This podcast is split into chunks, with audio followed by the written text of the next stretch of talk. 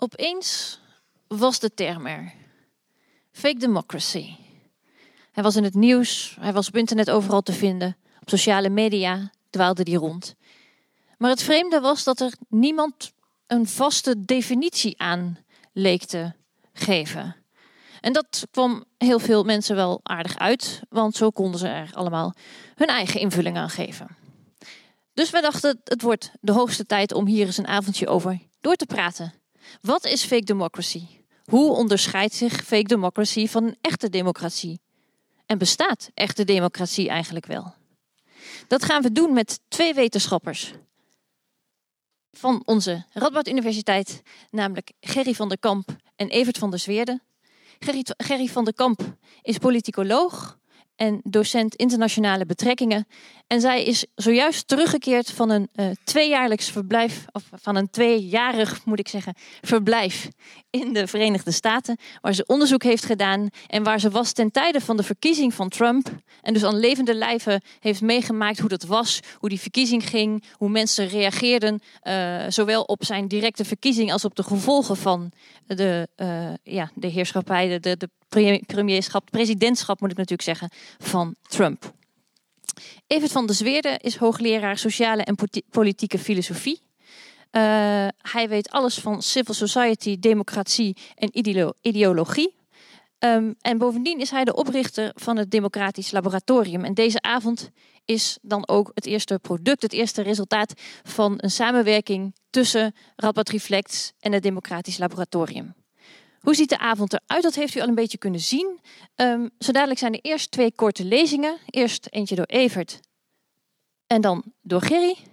Vervolgens gaan zij met elkaar in gesprek onder leiding van filosoof en ethicus Marcel Becker. Um, en daarbij bespreken ze drie thema's, namelijk drie landen: uh, Rusland, Turkije en de VS.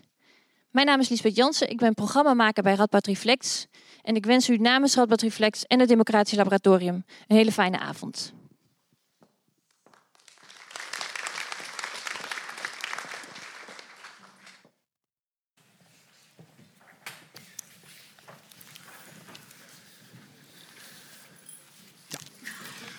Uh, goedenavond allemaal. Ik zal uh, niet gaan beginnen met een definitie.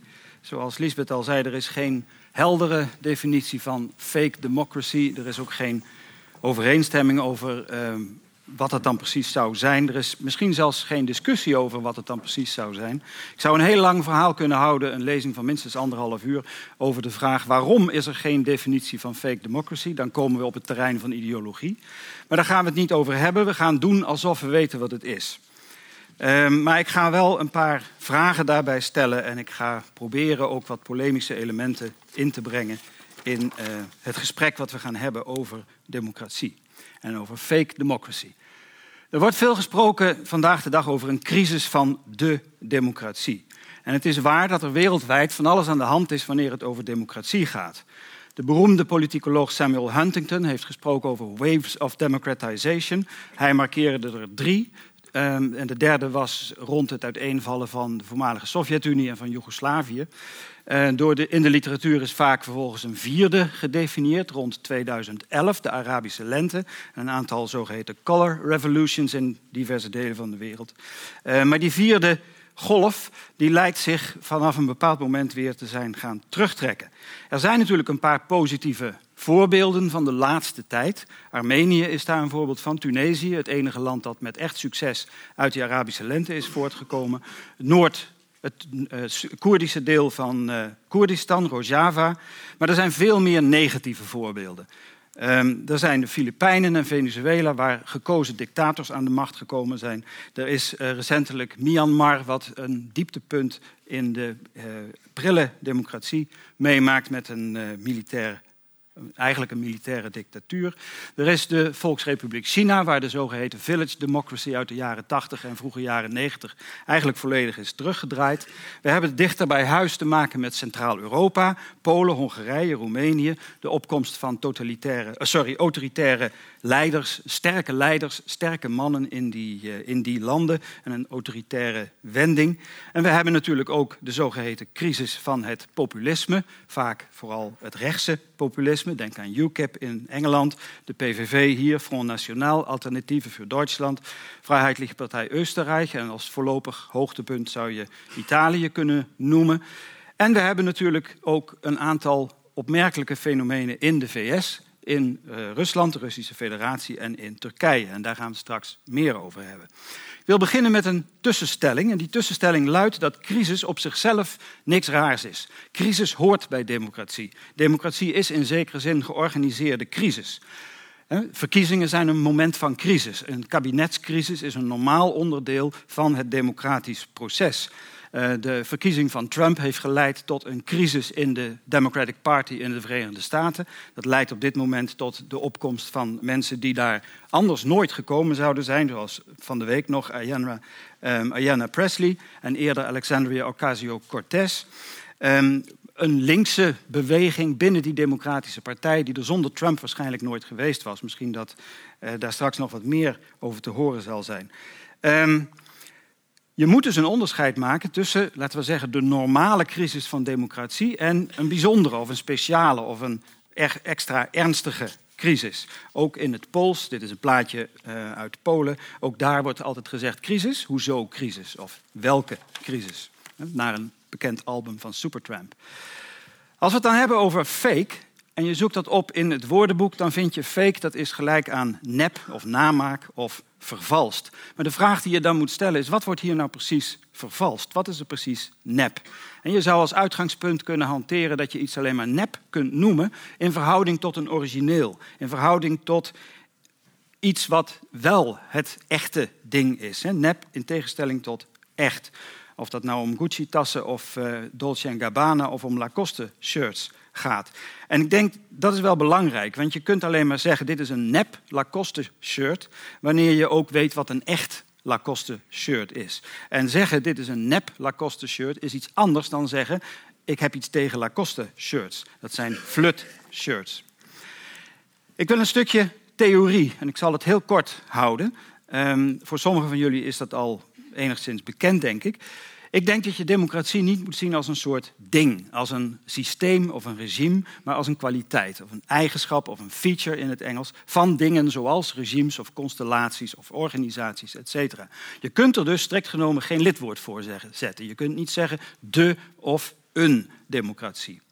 Zoals bij iedere kwaliteit is daar sprake van meer of minder. Net als bij een kleur of bij een smaak kun je zeggen het is meer democratisch of minder democratisch. En kun je ook spreken over democratisering, dedemocratisering, redemocratisering. En in de literatuur vind je die begrippen ook voortdurend terug. Spreken over de of onze democratie is strikt genomen misleidend taalgebruik. En denk ik, gevolg van het feit dat wij leven in een situatie waarin democratie een relatief stabiele kwaliteit is van veel van de politieke dingen om ons heen. Een kwaliteit van het systeem, zou je kunnen zeggen. En daarom zijn wij geneigd om dat de of onze democratie te noemen, of het zelfs gewoon te zien als, ja, dat is nou eenmaal wat democratie is. Um, recentelijk lijkt een, een, ontdekking gedaan te zijn in de politicologie door mensen als Yasha Monk, die het is gaan hebben over illiberal democracy. En de directe oorzaak daarvan zijn de redenvoeringen van Viktor Orbán. In de politieke filosofie is dat onderscheid tussen het liberale element en het democratische element eigenlijk al veel langer aanwezig bij auteurs als Norberto Bobbio of Chantal Mouffe. Um, het idee dat liberale democratie eigenlijk een combinatie is van verschillende dingen. Om het heel kort te houden, je zou kunnen zeggen, dit is mijn poging om het te, uh, op een, uh, tot te conceptualiseren, zou je kunnen zeggen, liberaal-democratische rechtsstaat, dat is waar wij ons hoofdzakelijk in bevinden.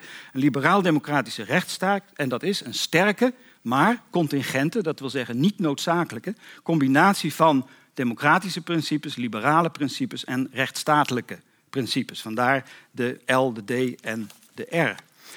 Je kunt dat wat nader uitsplitsen. Die liberaal-democratische rechtsstaat is een sterke maar contingente combinatie van democratische principes. Dat zijn bijvoorbeeld gelijkheid. Dat is natuurlijk altijd relatieve gelijkheid. Dat is een identiteit van de regerenden en de geregeerden. Uiteraard is die eigenlijk altijd gedeeltelijk, hoewel misschien niet per se. En een ander principe is het principe van de zogeheten volkssoevereiniteit. Het idee dat het volk macht uitoefent, misschien zelfs de of alle macht uitoefent. Die principes contrasteren met liberale principes. Ten eerste individuele rechten en ook plichten natuurlijk. Ten tweede mensenrechten. En ten derde, heel belangrijk, de scheiding van publiek en privaat. Let wel, dat zijn dus niet per se democratische zaken. Dat zijn geen democratische principes, althans, dat is mijn analyse. En ten derde zijn er de rechtsstatelijke principes, de principes van de rechtsstaat, rule of law, waarmee je in de gaten moet houden dat rule of law niet hetzelfde is als rule by law, want bijna ieder regime regeert middels wetten, maar dat wil niet zeggen dat de wet regeert. Neutraliteit of proceduraliteit van het systeem van de procedures, van de instellingen, etc. En niet onbelangrijk de zogeheten separation of powers, de trias, trias politica. Alle drie de sets van drie principes, zou ik willen beweren, zijn altijd partieel gerealiseerd en staan in een verhouding tot elkaar. Dus onze realiteit, als dat die liberaal-democratische rechtsstaat is, is altijd een soort mengsel van die drie sets van principes. En op alle fronten is daar sprake van mogelijke problemen en spanningen. Het is een veranderlijke mix van democratische principes, maar bij die gelijkheid, ik zei daar net al, het is een relatieve gelijkheid. En je kunt bijvoorbeeld heel gemakkelijk in de geschiedenis kijken naar de geleidelijke uitbreiding van het kiesrecht. Wij denken nu 1917, alle mannen in Nederland kregen kiesrecht, 1919, vrouwen kwamen daarbij. Ehm, tegenwoordig zijn er discussies over kiesrecht voor minderjarigen, eh, kiesrecht voor vluchtelingen, kiesrecht mogelijk voor dieren of andere niet-menselijke wezens. In Saoedi-Arabië heeft een robot daar onlangs een pleidooi voor gehouden om robots op een gegeven moment politieke rechten te geven, et cetera. Dus die gelijkheid is iets wat altijd ter discussie staat. Hetzelfde geldt voor de identiteit van regerenden en geregeerden. Die, die identiteit is altijd slechts gedeeltelijk.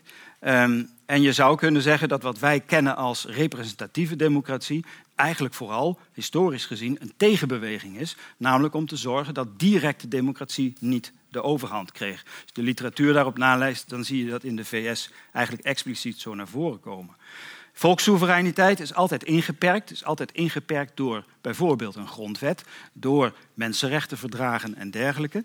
En dat verklaart ook waarom daar een permanente druk is, als het ware. Er is een permanente druk om meer en meer directe democratie. Het volk wil echt en ook wel meteen en nu iets te zeggen hebben.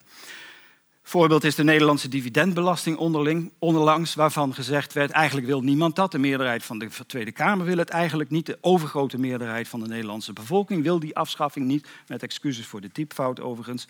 Um, en hoezo kan het dan toch er doorheen gedrukt worden? Nou, dat kan omdat Nederland niet een directe democratie is. Er zijn namelijk ook die liberale principes. Er zijn de individuele rechten en plichten.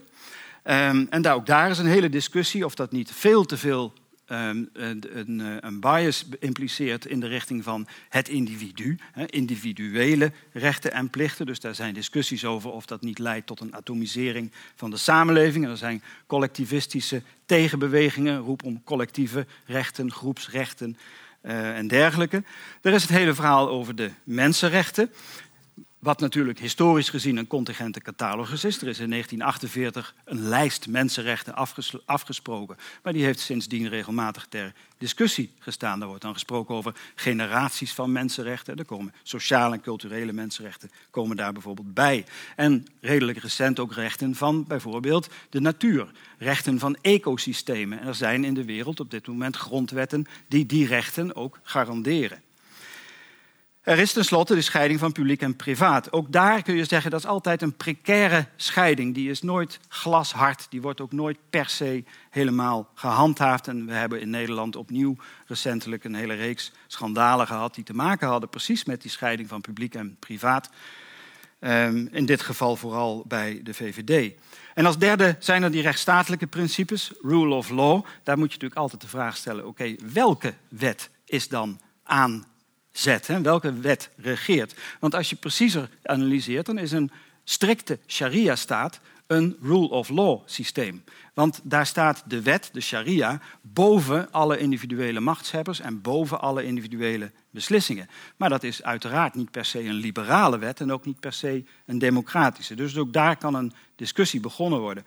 De neutraliteit van het systeem, de proceduraliteit, leidt regelmatig tot spanningen. Recentelijk in Nederland, nu met de affaire rond Lili en Hoek, waarvan het spontane gevoel onder een groot deel van de Nederlandse bevolking is: ja, die regels die kunnen er wel zijn, maar het is onrechtvaardig wanneer die kinderen naar Armenië moeten uitgewezen worden. Dus daar moet een uitzondering gemaakt worden. En zoals we allemaal weten, formele systemen zijn erg slecht in het maken van uitzonderingen.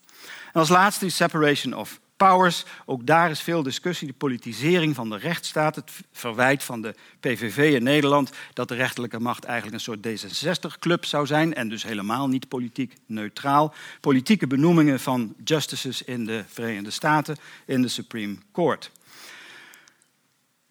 Die liberaal-democratische rechtsstaat is een complexe mix die telkens balans moet vinden en moet, moet zoeken. En die daarin flexibel is en tegelijk ook kwetsbaar. En die met grote regelmaat door een crisis heen gaat. Bijvoorbeeld Jürgen Habermas, de Duitse filosoof, heeft daar veel over geschreven. Over de Amerikaanse politiek. Die wisselwerking van zeg maar, democratische principes en constitutionele principes.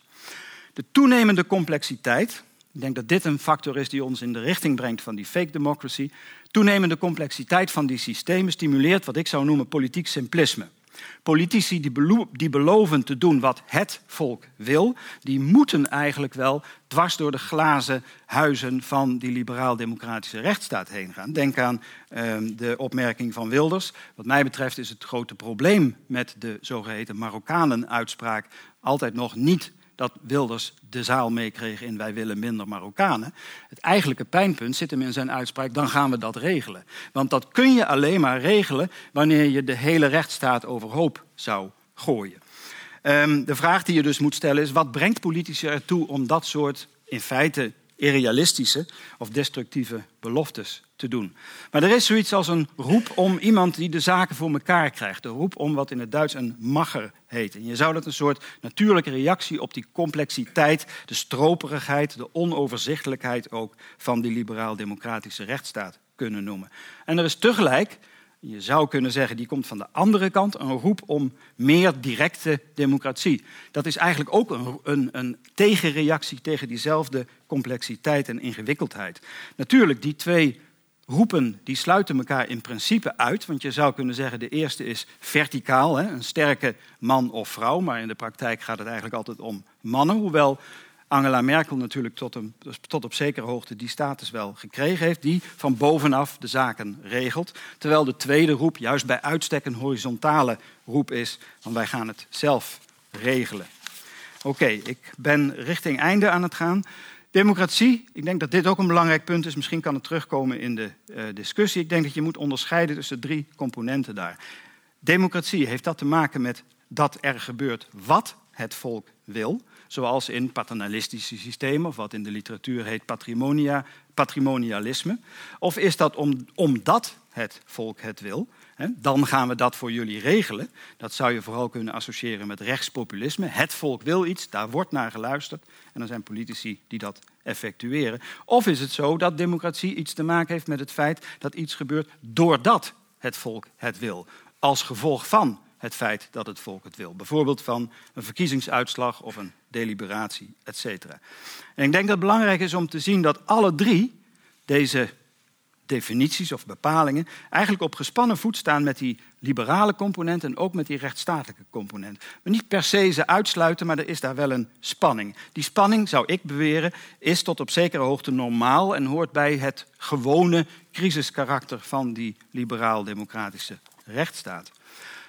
Een paar korte vaststellingen die voor onze discussie denk ik heel belangrijk is. Ik denk dat je moet zeggen dat de tijd voorbij is waarin die liberaal-democratische rechtsstaat zoiets was als de globale norm. Waar iedereen het zij zich aan probeerde te houden of te conformeren, het zij probeerde dat in te voeren, het zij, als dat niet lukte, te doen alsof dat ingevoerd was. Andere vormen, denk aan de Volksrepubliek China, die wereldwijd het eigen model propageert. Dus niet alleen voor China, maar voor de hele wereld.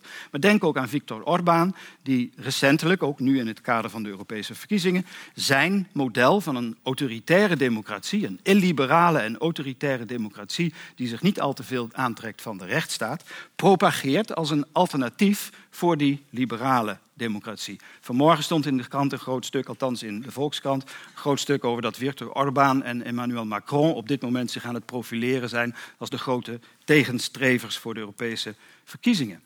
Het betekent dat de voorheen beschaamde en besmuikte schendingen van die liberaal-democratische en rechtsstatelijke principes nu schaamteloos worden. De noodzaak, oh, ik ga de verkeerde kant op. De noodzaak om je voor te doen als een liberaal-democratische rechtsstaat neemt af. En dus krijg je schaamteloos populisme, schaamteloos paternalisme en schaamteloze minachting voor de rechtsstaat. Tot slot drie stellingen. Ten eerste, in de Russische Federatie en in Turkije en in de VS zien we denk ik vooral een combinatie van paternalisme, zorgen voor wat het volk nodig heeft, en rechtspopulisme. Er gebeurt dat wat het volk wil of eigenlijk wil, of eigenlijk zou moeten willen als het goed nadacht, omdat er een leider is die luistert en die daarnaar handelt. De leugen daarin is de illusie van het volk. Democratie als de realisatie van de wil van een gemanipuleerde meerderheid of van de echte Hongaren of de ware Polen of de goede Amerikanen. En niet de bemiddeling van pluraliteit en legitiem conflict. Maar zeg je dat tweede, dan moet je eigenlijk al vrij snel in de richting van een liberale democratie. Maar dan zou ik zeggen dat is slechte democratie, maar niet per se fake.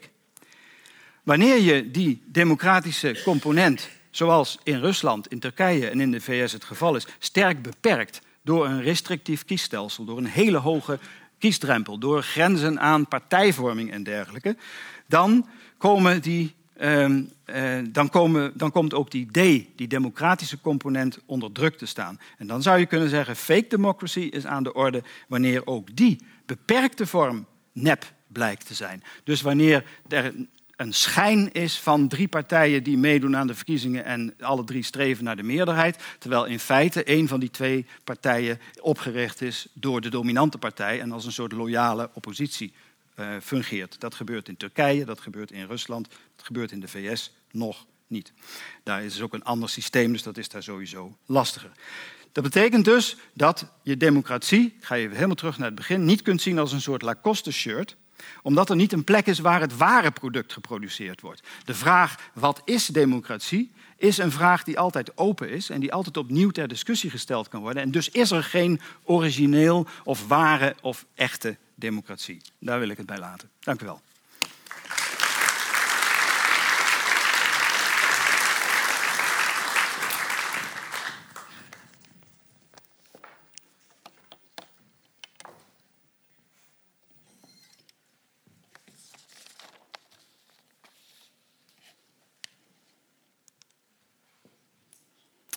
Oké, dan gaan we verder, maar dan meer vanuit politicologisch perspectief. Um, ik ben het eigenlijk eens met veel van wat je gezegd hebt.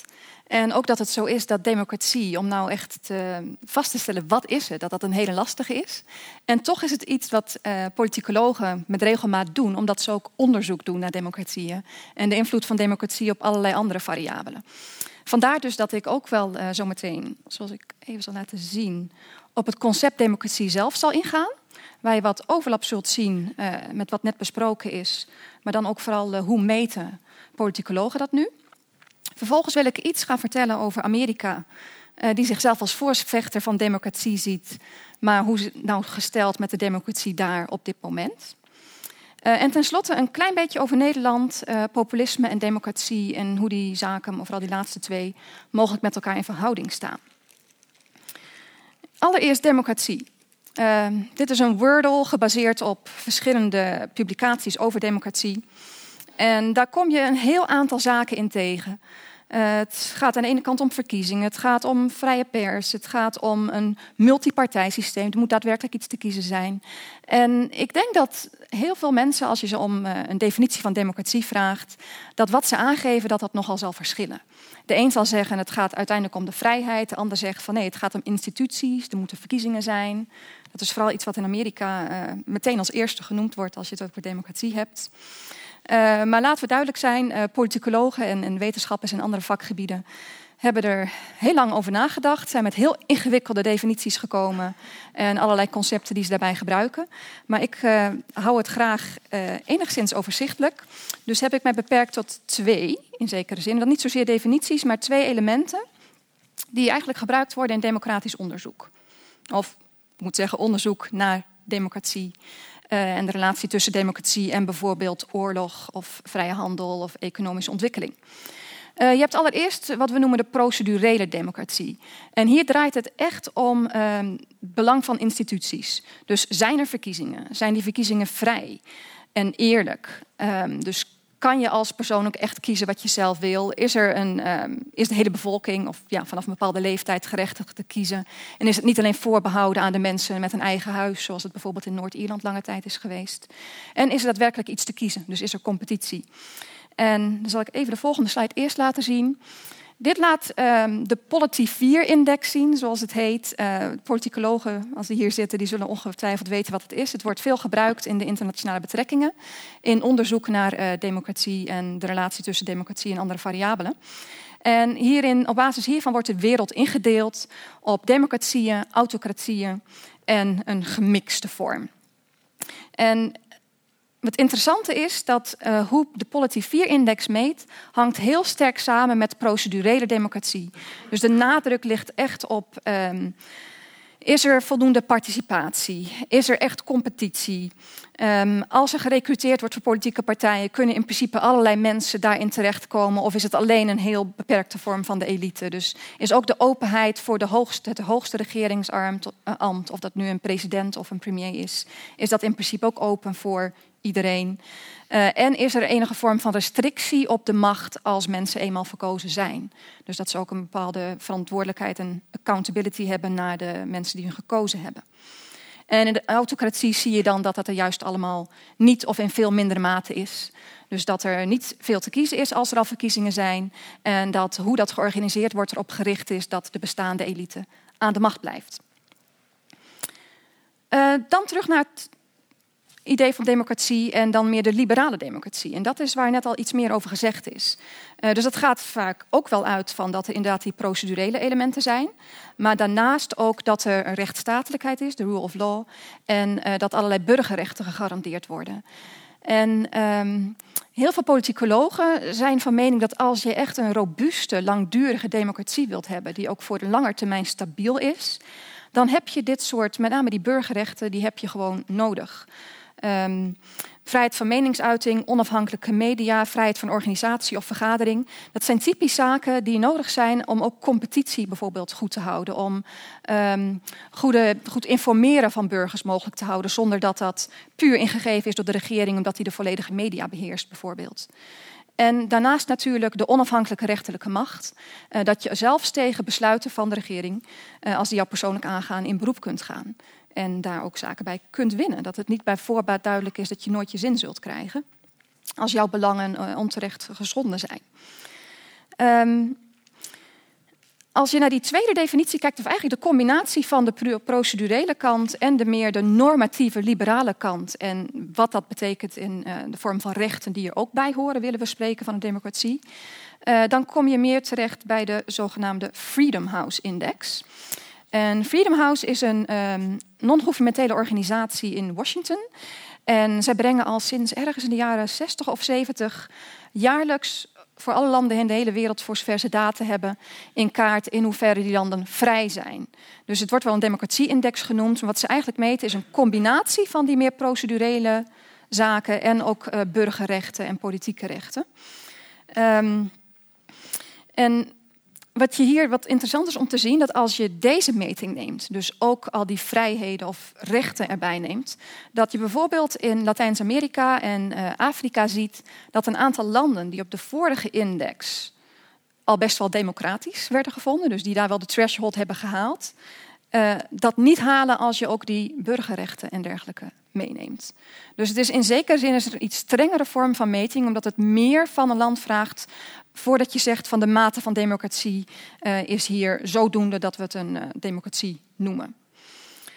Um, Zulke indexen hebben voor- en nadelen. Het voordeel is, zeker voor politicologen die graag statistisch onderzoek doen, uh, dat je langer termijn kunt vergelijken, data-analyses kunt uitvoeren en dat je een meetpunt van de mate van democratie in landen hebt die over de tijd heen gelijk is. En dat is in dat soort onderzoek uh, buitengewoon belangrijk nadelen zijn, en dan met name bij die Freedom House Index, nog meer dan bij de Polity 4 Index, dat een aantal van de meetpunten best wel subjectief worden gevonden. Want hoe bepaal je nou precies of, of minderheden echt voldoende gerepresenteerd zijn in een systeem of niet? Dus we kijken echt op heel gedetailleerd niveau. En daar zit ook wel wat subjectiviteit af en toe in. Uh, daarnaast vindt men soms dat er sprake is van een westerse bias. Uh, nou ja, dat, dat zou kunnen. Uh, en nog misschien grote probleem op dit moment is dat er eigenlijk geen aandacht voor directe democratie is in deze metingen. En dat het ook niet zo heel makkelijk is om dat er zomaar in te stoppen, omdat je dan opeens heel andere punten krijgt dan door de jaren heen steeds is gedaan. Terwijl directe democratie wel steeds belangrijker wordt.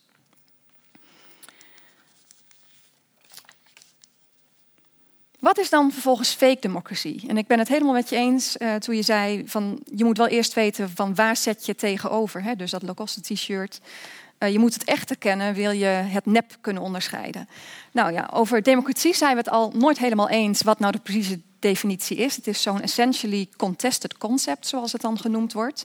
En sommigen zouden zelfs zeggen: democracy is what we make of it. En in zekere zin is het waar. Het is een sociaal construct. En door de tijd heen kan op basis van wat staten doen en wat mensen met elkaar overeenstemmen, de inhoud ervan in principe ook wijzigen. Maar als ik dan toch iets moet vaststellen van hoe ga je nou zeggen van nou wat ik hier zie gebeuren, zou ik bestempelen als fake democracy, terwijl je iets anders niet zo zou bestempelen. Um, er moet sprake zijn van een soort van democratische façade. Dus inderdaad, je moet wel stellen van hé, hey, wij zijn hier democratisch bezig, om te kunnen zeggen van nee, wat je doet is een nepdemocratie. En er moet ook iets van moedwilligheid bij zitten, um, waarom je dat dan niet doet. Dus denk aan eigenlijk een soort van dictatoriale leiders, die wel graag de reputatie in het internationaal systeem hoog houden door een democratie te hebben, maar dan liever toch wel aan de macht willen blijven, dus het systeem zo vormgeven dat ze toch steeds winnen. Zodat er eigenlijk geen sprake is van echte democratische instituties. Dus niet alles wat minder democratisch is, is meteen fake democracy. Uh, zoals net al gezegd werd, het kan ook gewoon slechte democratie zijn. Het kan een land zijn dat nog in transitie is naar een betere democratie. Er zijn uh, meerdere mogelijkheden. Dan naar mijn tweede onderdeel. Hoe zit het nou in de Verenigde Staten? Nou, de Verenigde Staten wordt natuurlijk vaak um, als een democratisch land bij uitstek bestempeld. Griekenland de bakermat van de democratie dan wellicht, maar um, Amerikanen vinden zichzelf het grote voorbeeld van de democratie. En het is tot op zekere hoogte nog steeds, maar zeker in het verleden was het uh, veelvuldig zo dat Amerikanen ook de democratie over de hele wereld wilden verspreiden. Ongetwijfeld met de beste bedoelingen, maar er is hier natuurlijk terecht ook veel kritiek op geweest. Want dat we veel zagen in interventies is dat men dus democratie probeerde te brengen uh, door middel van geweld, gedeeltelijk op zijn minst. Um, en dat de eigenlijke reden vaak voor dergelijke interventie eerder politieke en economische belangen van de VS waren dan daadwerkelijk het brengen van democratie. Het is iets moois om erbij te noemen, om het te, te verkopen aan een breder publiek. Maar of het daar nou echt om ging, dat is uh, zeer de vraag. Uh, toch zijn er nog steeds ontzettend veel voorstanders uh, in de VS van dit, dit, ideaal, min of meer, dat je dat ook over de wereld verspreidt. En dat uh, om drie redenen. Het is goed voor de mensen in die nieuwe democratieën, is dan de stelling. Nou, dat zou je, ik denk dat dat waar is in principe. Het promoot internationale vrede. En dat is dan het idee van de democratic peace, zoals ze dat noemen. Dus dat als je veel democratieën hebt, je ziet dat statistisch gezien die eigenlijk onderling uh, nooit oorlog voeren. Dus als we meer democratieën hebben, hebben we uiteindelijk ook een vreedzame wereld. En in derde, en ik denk niet het belangrijk, onbelangrijkste, is dat het in het belang van de Verenigde Staten is. Zijn er meer democratieën, is er minder kans op terroristische aanslagen richting de VS. Uh, zijn er meer potentiële bondgenoten en uh, wordt de kans van oorlog tussen dus de VS en andere landen kleiner. Als we dan naar vredesmissies kijken waar die democratie wordt gebracht, uh, dan valt wel op dat we daar vaak zien dat men vooral verkiezingen begint. Dus men probeert de instituties, meer de procedurele democratie vorm te geven. Ook in landen waar er geen liberale normen en waarden echt goed uh, ja, geïnternaliseerd zijn in de samenleving. En wat je dan dus vaak ziet, is dat wat je krijgt dat mensen noemen een illiberal democracy. Je hebt wel um, de democratische vormen in een heel aantal instituties, maar de uitwerking is allesbehalve echt democratisch. En je krijgt uiteindelijk een regime dat helemaal geen mensenrechten garandeert of uh, enige vorm van rechtsstatelijkheid heeft. Hoe zijn nu de ontwikkelingen in de VS? Ehm, de Freedom House Index, daar kun je als hoogste 100 punten halen. En misschien leuk om te weten, Nederland zit op 99, dus blijkbaar doen wij het behoorlijk goed. De VS zit ondertussen op 86 punten. En zijn eigenlijk in de laatste 10 jaar uh, behoorlijk gedaald. En het laatste jaar, dus min of meer sinds uh, de nieuwe president Trump aan de macht is, zijn ze drie punten gedaald. En de eerste drie zorgen die ik hier op rij heb gezet, zijn eigenlijk zorgen die al bestonden voordat Trump aan de macht was. Uh, uitvoering van verkiezingen, daar zijn bedenkingen bij. En één probleem is de gerrymandering. Wie heeft wel eens van gerrymandering gehoord? Oké, een aantal. Ik ga er zo meteen in de volgende slide iets meer over zeggen. Uh, tweede probleem is dat de invloed van geld in politiek en campagnes eigenlijk door de tijd heen steeds groter geworden is. En ook op lokaal niveau uh, steeds belangrijker wordt. En dat heeft toch wel uitwassen waar uh, men zich zorgen maakt om corruptie en fraude en dergelijke. En het derde probleem, wat eigenlijk ook al ruim van voor Trump is, is dat er veel ongelijkheid is in het criminal justice system. En dan met name dat Afro-Amerikanen relatief benadeeld zijn. Wat we vooral sinds Trump meer zien, is dat er, hij directe aanvallen op de rechterlijke macht en ook de media doet. Uh, en dat hij uh, verminderd transparant is. Dus allerlei zaken die vorige presidenten, hun belastingaangifte en allerlei andere dingen meer, die ze gewoon openbaar maakten, dat doet hij niet. Uh, hij werkt relatief veel ook met wat ze noemen executive orders, waarmee hij probeert het congres uh, voorbij te gaan. Nu moeten we dat ook niet overdrijven. Obama deed dat ook al. Maar Obama deed het in de omstandigheid waarmee hij geconfronteerd was met een congres waar de Republikeinen in de meerderheid waren. En waar hij werkelijk niks doorheen kon krijgen als hij ook niet met executive orders zou werken. Um, ik kom dus net uit Amerika vandaan. Heb ik nou veel gemerkt hiervan? Nou, ik zat in Boston. En Boston is een, uh, een bubbel, zou je toch wel kunnen zeggen. Het is een bubbel van uh, met name democraten. Um, het is een bubbel in de zin van uh, algemeen hoogopgeleide en rijkere bevolking. Waardoor je, zolang het beleid van Trump geen effect op jou als persoon heeft, niet heel veel merkt. Je merkt met name dat natuurlijk na de verkiezingen iedereen enorm teleurgesteld was. Um, en ik gaf net eerder al even tegen iemand aan dat zelfs op scholen hoorde ik, op middelbare scholen, psychologische hulp aan jeugd werd aangeboden die de gevolgen van de verkiezing moesten verwerken. Uh, dat soort zaken. Ja, dan moet je net in Massachusetts zijn uh, waar zoiets georganiseerd wordt. Ik, ja, ik stond er als nuchter Hollander bij en keek ernaar en probeerde maar niet uh, al te veel veroordelend te zijn. Maar het, er werd nogal bijzonder op gereageerd, laten we het daarop houden. Um, ja, het is omlaag gegaan. Als je het vergelijkt in, uh, met, in relatieve zin met andere landen, ja, dan is Amerika lang de slechtste niet. Maar we moeten ons wel de vraag stellen: is nou hier, op wat voor punten staat democratie echt op, het spel? En is er eventueel sprake van fake democracy? En daar wil ik dan toch twee voorbeelden uh, bij bespreken. Die eerste is de foto, ja, ik heb hem maar op de zijkant geplaatst, maar jullie kunnen het vast wel lezen. Wat je daar kunt zien is de zogenaamde uitkomst van de popular vote. Dus als je alle stemmen over alle staten telt, uh, had Hillary Clinton ruim 65 miljoen. Ja. En um, Trump had 62 miljoen, ruim. Bijna 63. Dus het verschil was uh, bijna 3 miljoen en dan eigenlijk in het voordeel van Clinton. En mensen die zeggen van de popular vote had eigenlijk het de doorslag moeten geven. Dus we zouden een ander systeem moeten hebben. Nou, wat is het systeem dat ze hebben? Per staat wordt er gestemd. Uh, welke partij de meeste stemmen heeft in die staat. Alle stemmen in het zogenaamde Electoral College van die staat gaan naar die kandidaat toe, in principe. Dus ook al win je in een staat als Californië met een hele grote meerderheid. Een heel groot deel van die meerderheid heb je niet eens nodig. En is dus een deel van de popular vote die uiteindelijk niet sterk meetelt. En er zijn dus mensen die uh, sinds de verkiezing gezegd hebben van uh, eigenlijk had Clinton president moeten worden en dit systeem, systeem moet absoluut op de schop. En ik zou hier eigenlijk wel een peiling willen houden. Dus op basis van het argument van die popular vote. Wie zou hier ook zeggen Clinton had president moeten worden? Op basis van de popular vote. Nee, nee. Nee, nee, ja, dat is. Ja, maar dat is wat anders. Dus de mensen die nu de hand omhoog hadden, als ik dan um, een hele gemene vraag mag stellen. Um, wie zou nog steeds de hand omhoog doen als de rollen omgekeerd waren geweest? Dus. Oké, nou dat is heel consequent. Want wat ik onder veel Amerikanen merkte, is dat ze eigenlijk met het systeem op zich helemaal niet zo'n probleem hadden, maar eigenlijk meer met de uitkomst. Want laten we eerlijk zijn, dit systeem is ook weer bedoeld om juist de kleinere staten en minderheden en dergelijke te beschermen en een bepaalde stem te geven. Wat weer gevolgen heeft die nadelig zijn voor of grotere staten of staten waar sowieso al een grote meerderheid van een bepaalde partij is. Um, wie zou dit fake democracy noemen? Niemand. Ik ook niet. Uh, het is wel iets wat in de pers en um, op internet, als je kijkt naar wat er in de VS de ronde deed na de verkiezing, heel vaak als fake democracy werd bestempeld. Ik ben het er niet mee eens, maar het is wel uh, iets wat gezegd werd. En eigenlijk, um, als je toch een voetbalanalogie dan wilt gebruiken, het is helemaal niet mijn sport, maar ik zal het maar proberen. Het is eigenlijk volgens mij meer of meer gelijk aan stellen, ons team had meer schoten op het, doel en meer balbezit, dus wij hadden moeten winnen. Wij hebben eigenlijk gewonnen, ook al had die ander meer goals.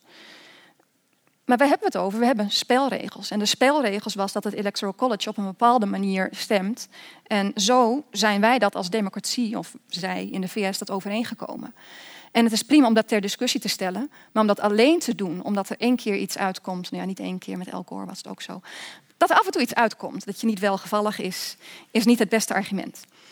Dan de gerrymandering. Het is allereerst een ontzettend misbruik van mijn naam, maar goed, dat terzijde.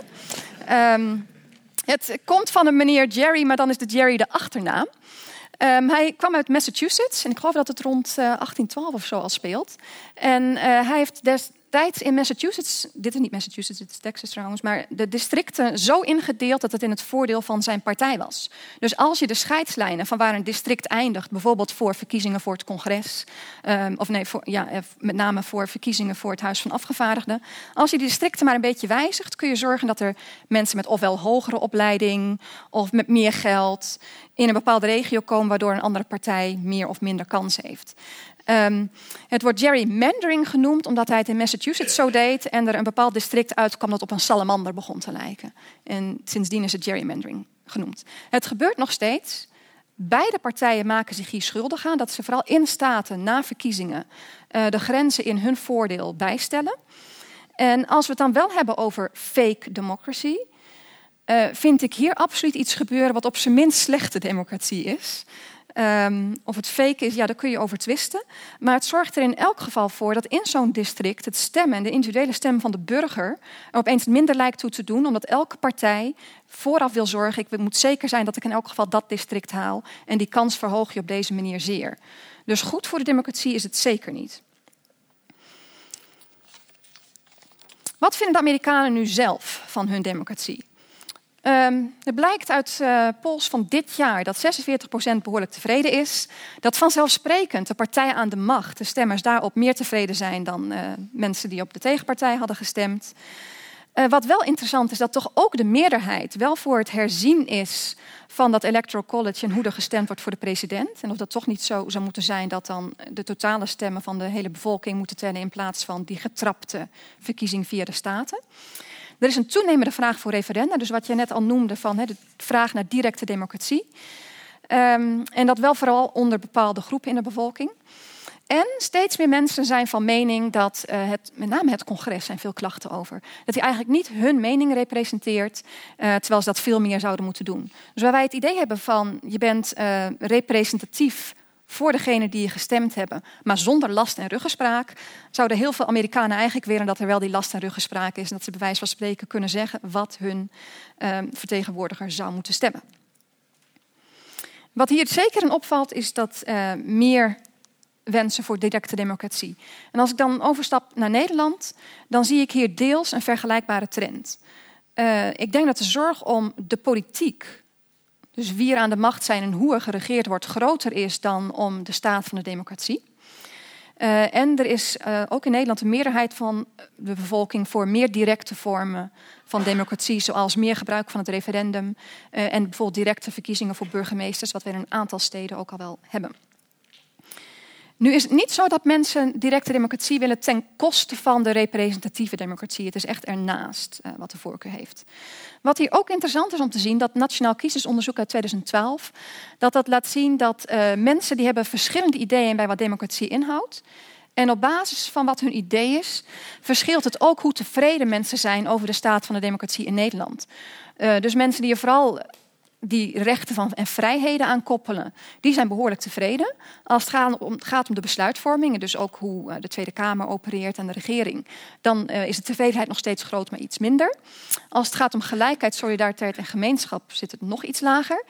En die laatste categorie vind ik een heel bijzondere, want blijkbaar is er een uh, categorie mensen die aangeeft, en ik weet niet wat democratie is, maar ik weet wel dat het sucks, zeg maar. Dus dat vind ik heel typisch. Maar Um, goed, het zijn de mensen die aangegeven hebben, we weten niet wat het precies inhoudt, maar we vinden het wel oké of we vinden het eigenlijk niet zo oké. Okay.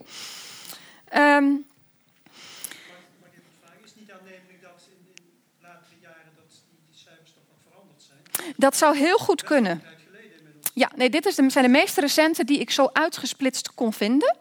Um, het, het zou kunnen dat zeker de, over de besluitvorming vermoed ik eigenlijk dat de tevredenheid omlaag uh, gegaan is. Ja, dat zou wel mijn uh, verwachting zijn.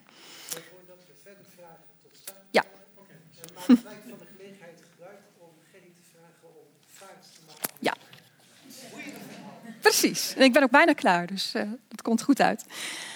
Uh, dan over naar populisme. Het werd net al genoemd. Uh, en waar net een link weer met de rechtsstaat werd gemaakt en de mogelijke wrijving tussen populisme en de rechtsstaat, um, wil ik hier eigenlijk iets meer ingaan over dat, het idee van populisme en een meerderheidsdemocratie, de wil van het volk die daaraan hangt. Dat gaat vaak heel goed samen met directe vormen van democratie. En wat we ook gezien hebben, bijvoorbeeld in het uh, referendum rondom Brexit, in het referendum uh, rondom het uh, verdrag met Oekraïne, is dat de uitkomst behoorlijk in lijn lag met wat populistische partijen graag wilden. En voor hun is het dus een behoorlijk middel dat in hun voordeel kan werken als zij de burgers kunnen overtuigen of eigenlijk al zeggen, dit is wat de burgers überhaupt willen en dan een referendum daarover weten te organiseren. Um, wat ik bijzonder vind, of ja, het is eigenlijk niet bijzonder, maar juist na dit soort uitkomsten, die ja, de gevestigde orde, zoals populisten zouden noemen, niet welgevallig zijn, zien we een discussie erover. En dat zelfs D66 erop terugkomt, misschien moeten we toch maar met dat referendum gaan stoppen of het totaal anders gaan doen. Um, Hoewel ik het een terecht debat vind, um, vind ik dat je er niet om deze redenen moet voeren. Dus weer niet om een uitkomst die je onwelgevallig is, maar dan moet het echt gaan om meer principes erachter. En waar wij denk ik voor moeten waken, ook als het gaat om fake news, Russische inmenging hè, in het nieuws en dergelijke en gevolgen daarvan. En daarom bijvoorbeeld maar draconische maatregelen nemen, die ook weer de vrijheden van mensen op een andere manier, dus de vrijheden van mensen in ons land aantasten. Denk ik dat we heel erg voorzichtig moeten zijn. Um, dat hoewel het goed bedoeld is, we uiteindelijk um, onderdelen van onze democratie verzwakken, op zijn minst. Um, en minder democratische vorm of voorstanders van minder democratie, wat of ja, van de vorm van democratie, representatieve democratie die wij hebben, uh, die spelen we dan juist enorm in de hand. Dus als je nu dat debat zo gaat voeren en zegt we gaan er om die en die reden mee stoppen, dan denk ik dat je het populisme en populistische partijen in de hand werkt uh, en dat het averechts gaat werken. Dan om terug te komen op de vraag: uh, oh, is het erg? Dus ja, er is af en toe fake democracy. Waar, waar democratie is, kan ook fake democratie of op zijn minst slechte democratie zijn. Of het ergens hangt er wat mij betreft van af of het een democratie is die op zijn minst onderweg is in een transitie naar een volwaardiger democratie. Uh, als het dan tijdelijk uh, minder functioneert, dus nog een slechte democratie is, dan kan ik daarmee leven. Als het een opzettelijk fake democracy is, is dat wat mij betreft een ander verhaal. Maar laten we eerlijk zijn, fake democracy is ook een term die meer recent is verzonnen. Uh, is ook een construct en is vooral iets wat lekker ligt in de media en wat veel gebruikt wordt en te pas en te onpas gebruikt wordt. En als het voordeel daarvan is dat er nu debat ontstaat, dan ben ik daar eigenlijk alleen maar heel blij mee. En hoop ik dat het, het ertoe leidt dat wij de democratie die we hebben misschien nog meer gaan waarderen. Meer gaan begrijpen wat het inhoudt en waarom het zo belangrijk is. En dat we ook meer bereid zijn het gaan te verdedigen. Uh, tegenover wat er gebeurt in landen bijvoorbeeld als Polen, Hongarije en Turkije. Dank u wel.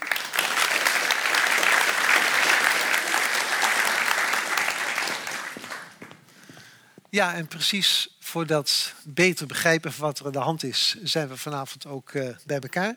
Dat beter begrijpen, dat zetten we uh, voort doordat ik bij de gesprekspartners eerst even een vraag wilde stellen in een reactie. Hoe ze, uh, waarin ze kunnen reageren op wat de ander heeft gezegd.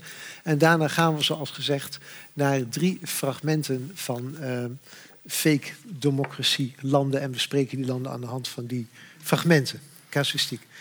Mag ik beginnen met een vraag aan uh, Evert? Je hebt mooi een, een, een, een, conceptuele analyse gegeven van democratie. En je hebt ook beschreven hoe je wat dat betreft fake democratie zou plaatsen tegenover de niet bestaande echte democratie. nou heeft Gerry heeft eigenlijk gezegd, ja, fake democratie, dat is gewoon een façade van mensen die moedwillig de democratische instituties misbruiken om eigenlijk andere dingen te doen. Mhm. Dus dat is een hele scherpe analyse van fake democratie. Dat is gewoon geen echte democratie. Dat is gewoon misbruik maken van de instituties voor iets anders. Kun je je vinden in die harde omschrijving van fake democratie? Um, nou, waar ik me helemaal in kon, uh, in kon vinden in het verhaal van Gerry, is um, er moet sprake zijn van, zoals je het zei, er moet sprake zijn van een façade. En er moet sprake zijn van moedwilligheid of in, uh, intentie. Maar ik denk wel dat je daar voorzichtig mee moet zijn. Met name met het, met het gebruik van het woord misbruik. Mm.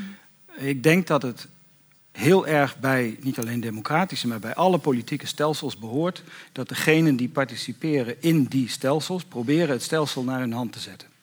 Dat is hetzelfde als bij een bordspel als Monopoly of Risk of iets dergelijks. Je probeert uiteraard binnen de regels van het spel, die regels zoveel mogelijk naar je eigen hand te zetten. Gerrymandering is, is daar een voorbeeld van. Gerrymandering is daar een voorbeeld van. Dus daar zou je de discussie kunnen voeren: is dat nou fake democracy of niet?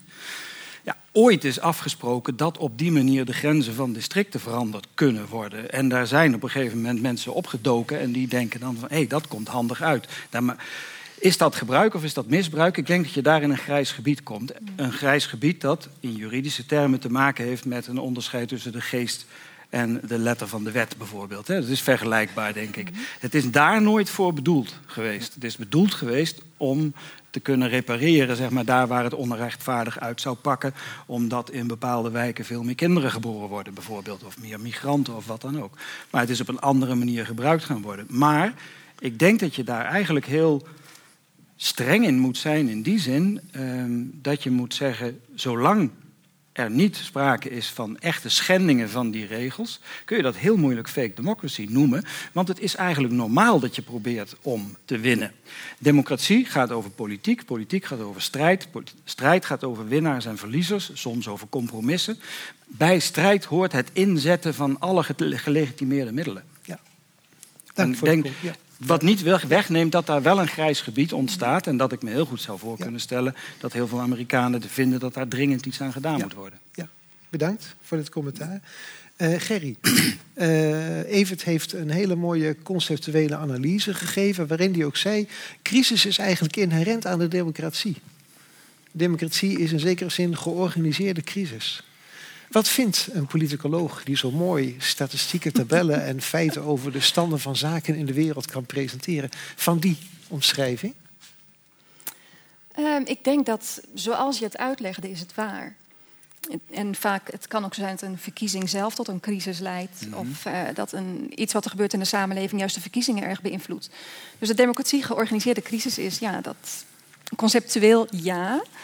Um, ik denk alleen dat als je als politicoloog zaken aan het verklaren bent, dat je niet mee geholpen bent dat je allerlei aspecten meteen als een crisis benoemt, die vervolgens jouw model compleet uh, onderuit halen. Ja. Um, er zijn natuurlijk uh, besluitvormingsmodellen die zeggen, juist in tijden van crisis is er meer kans op verandering van beleid.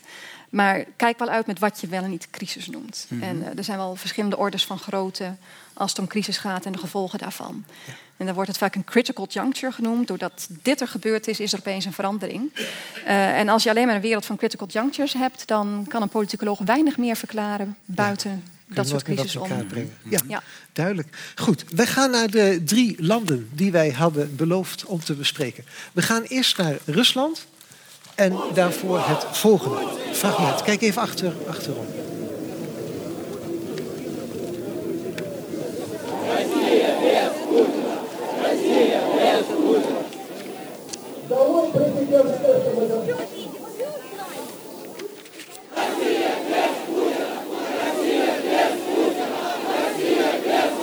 Меня возмущает больше всего то, что оправдывают ее тем, что на Западе э, тоже люди выходят на пенсию там, не в 55 и не в 60 лет, а позже. Но там, на Западе, у пенсионеров совершенно другая жизнь, совершенно другой размер пенсии. Вот, они защищены, точно так же, как все остальные люди. Это не реформа, это произвольное повышение возраста мужчинам на 5 лет пенсиона, а женщин на 8. Причем женщины нашлись предельно цинично. Сразу 8 лет. Никого не спросили, ни с кем не советовали. Показываем людям, что выходить на улицу не страшно, это делать необходимо, и мы надеемся, что вот следующее поколение... Uh, Evert, je bent een, een groot Ruslandkenner. En waar hebben we nou naar zitten kijken? Naar een uh, toegestane demonstratie. Naar een toegestane demonstratie. Ja. Ja. tegen verhoging van de pensioenleeftijd ja. naar 65, terwijl de gemiddelde levensverwachting 66 jaar is in Rusland. Dus dat is een. Van mannen. Ja, van mannen. Ja, heel veel mensen ja, dus die pensioengerechtigde leeftijd niet halen. Ja, ja. Uh, toegestane demonstratie. Dus dit, uh, dit kan allemaal gedoogd, geaccepteerd worden door de regering, waarna ze zich er niets van aantrekken? Nee, dat is niet helemaal waar. Dit is een gedoogde demonstratie in die zin dat die um, in beperkte mate is toegestaan en op zeer wel bepaalde plaatsen. Uh, wel op heel veel plaatsen in Rusland, maar daar echt op, ja, op afgelegen plekken, zullen we maar zeggen. Niet op, de, niet op de plekken waar de demonstranten zelf bij voorkeur zouden gaan demonstreren. Want daar is dan altijd iets anders dringends aan de hand, waardoor dat net even niet kan. Of dan kunnen de, de burgers hun boodschappen niet doen en, uh, en, dat soort dingen. Daar komt bij de uh, Gennady Zhuganov, die je in beeld zag, de leider van de Russische Communistische Partij. Um, is in feite een van de schoothonden van Vladimir Poetin.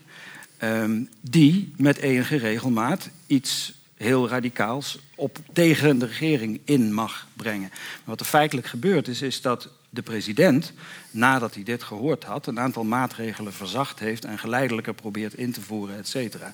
Dus het is. Russen zijn dol op samenzweringstheorieën. Er zijn heel veel Russen die meteen zeggen: Oh nee, dat is doorgestoken kaart.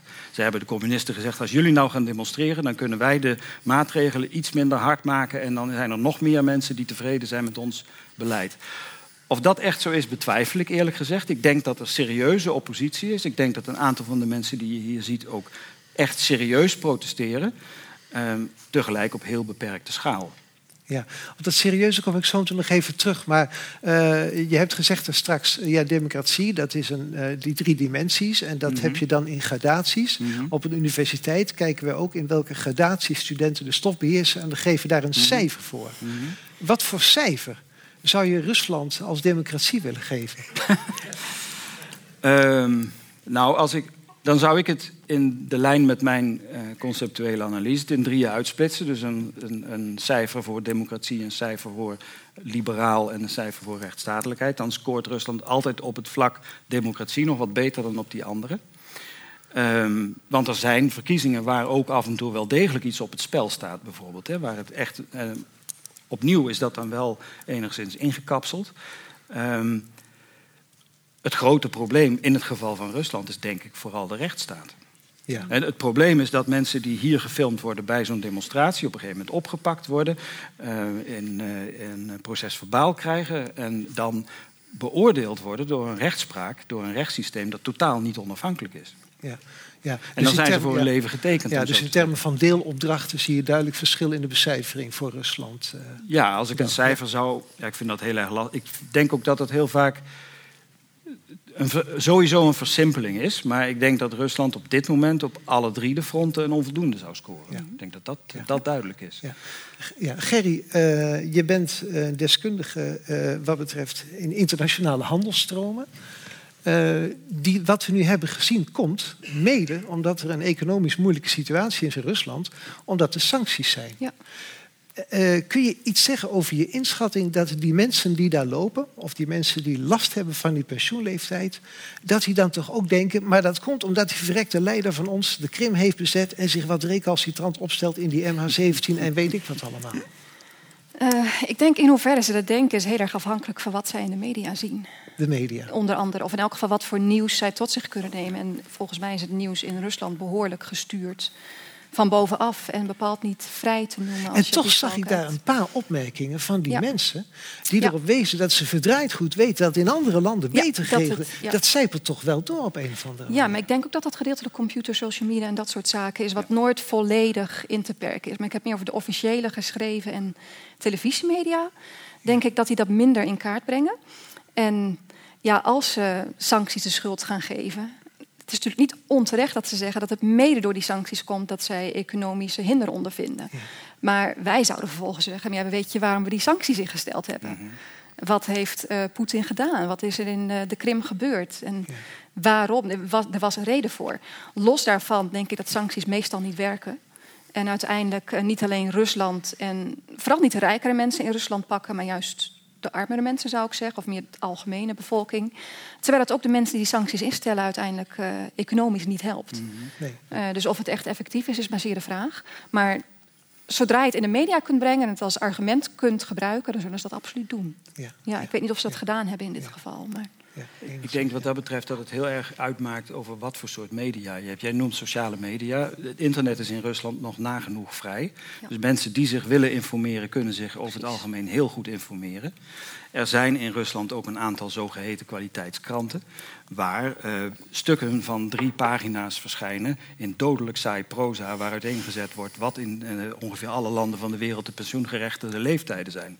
En dan staat er als laatste zin: Rusland moet zich hiernaar richten en kijken wat er elders in de wereld gebeurt. Maar tegen die tijd heeft de gemiddelde krantenlezer, wat er sowieso al niet zoveel zijn, al lang afgehaakt. Dus mensen zijn, als je het hebt over de door de staat gecontroleerde media, de, de, de tabloids en de, en de televisie en dergelijke, dan is daar één boodschap altijd dezelfde. Dat wil niet zeggen dat er niet ook kritische media zijn, maar die hebben een hele kleine oplage en zijn voor een kleine, voor een kleine groep. Het maakt wel in zoverre uit dat Russen die dat willen, en, en zeker Russen die, eh, zich, eh, die zich organiseren, zeg maar, en opnieuw via sociale media, over het algemeen heel goed weten wat er aan, aan de hand is. Maar het is ook zo dat de overgrote meerderheid van de Russen die inname van de Krim een volstrekt vanzelfsprekende zaak vindt. Een historisch onrecht dat door, dat, dat door Khrushchev aan Oekraïne gegeven is, want het is Russisch grondgebied. En daar is de reactie veel eerder. Het Westen straft ons daar volkomen ten onrechte voor. Ja, ja, ja, duidelijk. Zaal, over Rusland. Ik kijk tegen Spotsim, maar als je maar hard genoeg zwaait, dan... Zwaait er iemand heel hard? Anders heb ik wel een vraag. Of... Ja, kijk. Ja. Nou gaat het spot op jullie. Nou moeten jullie wat doen. Dus vragen. Wie? Heeft u wel een microfoon? En er is zelfs een microfoon.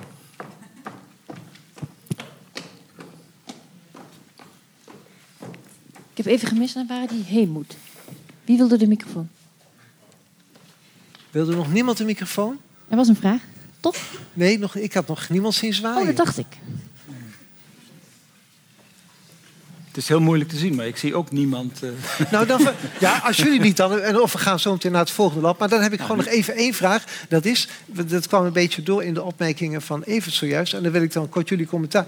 Het heeft ook te maken met een politieke cultuur. Dus dit nieuws is er. Die kranten zijn er. Die media via internet, die zijn er. Maar er is ook een politieke cultuur in Rusland... die volstrekt niet geïnteresseerd lijkt te zijn... in wat wij dan publiek debat of democratische discussie noemen. Dus stel dat je alle instituties zou vrijgeven... heb je niet meteen een democratie. Gerry? Ehm, dat zou kunnen. Moet ik zeggen, ik denk, vermoed dat jij meer over de cultuur daar weet dan ik. Maar wat mij wel opvalt is, als je zeg maar, mensen uit Rusland spreekt die elders zijn... en ik heb er in Amerika wel een heel aantal ontmoet... dat ze behoorlijk eh, Poetin steunen en dan behoorlijk nog ongeacht hun opleidingsniveau. En vraag je dan ook waarom als politicoloog? Eh, ja, dan krijg je toch wel de standaard dingen dat hij de goede dingen voor de staat doet. En over de Krim moet je inderdaad helemaal maar niet beginnen, want dan krijg je ruzie. Tenminste, als je het eh, gezellig wilt houden, kun je dat beter niet bespreken. Ehm, en wat het Westen allemaal schrijft over Rusland, daar klopt niks van. Dat is eh, fake news, bij wijze van spreken. Ja. Dus dat, ja, ik weet, dat hangt misschien niet met cultuur samen, maar het is wel, het geeft weer hoe groot de steun Ja. voor hem en die vorm Ja. van regime toch is. En dan Ja. conceptueel, als je zegt... ja, maar dan zijn jullie geen democratie. Als ze dan consequent zijn, zeggen ze... ja, maar dat vinden we ook helemaal niet erg. En het typische is dat hij dat niet zegt. Poetin eh, zegt wel, wij zijn een democratie. En Ja. ja. ook al zijn wij er nog zo kritisch op, op alle drie onderdelen die je noemde, hij houdt er wel aan vast. Ja, waarom houdt hij dan dat woordje demo? Hij is toch een sa, hè? Eh, hij houdt daaraan vast omdat hij eh, ook een, als president geacht wordt een democratische constitutie te verdedigen, et cetera. Dus in hoeverre zijn motieven daarin ehm, oprecht zijn, ik vind dat bij politici altijd heel moeilijk te beoordelen, maar in zijn geval al helemaal. Ehm, dat weet ik niet, maar hij houdt vast aan, ja, wij zijn een democratie en ik, ik president, ik doe in principe dat wat hetzij het Russische volk ge- aangegeven heeft te willen, hetzij wat ik denk dat goed is voor het Russische volk, ook al heeft het dat niet aangegeven. Eh, en dat is democratie à la Rus. Dat is de manier waarop wij democratisch zijn. En het is een, ik denk, en er zijn in Rusland nog altijd gelukkig onafhankelijke eh, onderzoeksbureaus en dergelijke. Poetin zou ook volstrekt vrije en eerlijke verkiezingen gewonnen hebben. Ja. Daar is geen enkele twijfel over, alleen niet met 79 procent. Ja. En er is serieuze oppositie, die is ook wijdverbreid. Er is ook veel kritiek als je het over discussiecultuur hebt. Ehm, de afgelopen jaren, wanneer ik met Russen over dit soort dingen in Rusland sprak, dan ze nemen geen blad voor de mond. Ze letten eventueel op of hun, eh, hun eh, leidinggevende wel of niet in de ruimte is. En dat maakt uit voor hoe ze spreken misschien. Maar het is geen enkel probleem om een volstrekt vrije discussie te hebben met Russen over binnen- en buitenlandse politiek. Waarbij ook opvalt, en ik denk dat dat iets is wat wij als Westerlingen goed moeten bedenken. Hun steun voor de buitenlandse politiek van Poetin is vele malen groter dan die voor zijn binnenlandse politiek. Dat verklaart ook deze demonstraties. Dus dat, dat Poetin Rusland weer op de internationale kaart gezet heeft, dat hij ingegrepen heeft in Syrië, dat hij de Krim heeft ingenomen, dat vindt de overgrote meerderheid van de Russen prachtig. Maar als het over dit soort dingen gaat, sociaal-economische issues en dergelijke, criminaliteit, corruptie, dan ligt dat een heel stuk anders. Ja, duidelijk. Dank u wel. Sprekers Evert, dank voor je helder praten over moeilijke dingen.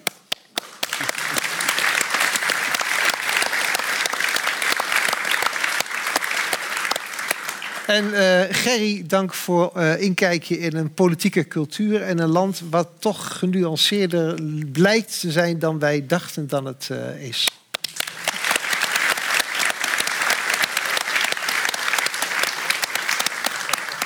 U allemaal dank voor uw komst. Een paar praktische mededelingen.